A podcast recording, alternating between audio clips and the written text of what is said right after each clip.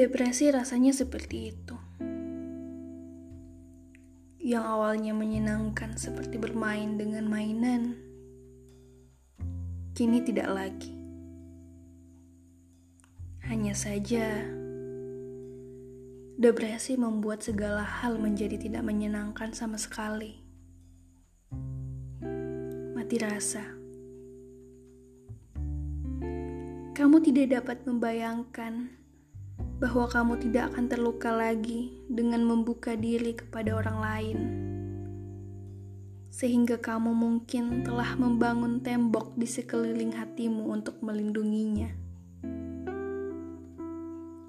dan kamu semakin jauh dari jangkauan, masuk ke dalam jurang yang gelap.